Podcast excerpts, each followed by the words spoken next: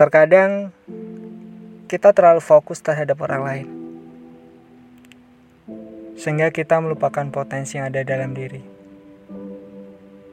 Terkadang kita terlalu fokus ingin menjadi orang lain, sehingga kita melupakan untuk mengupgrade potensi yang ada dalam diri.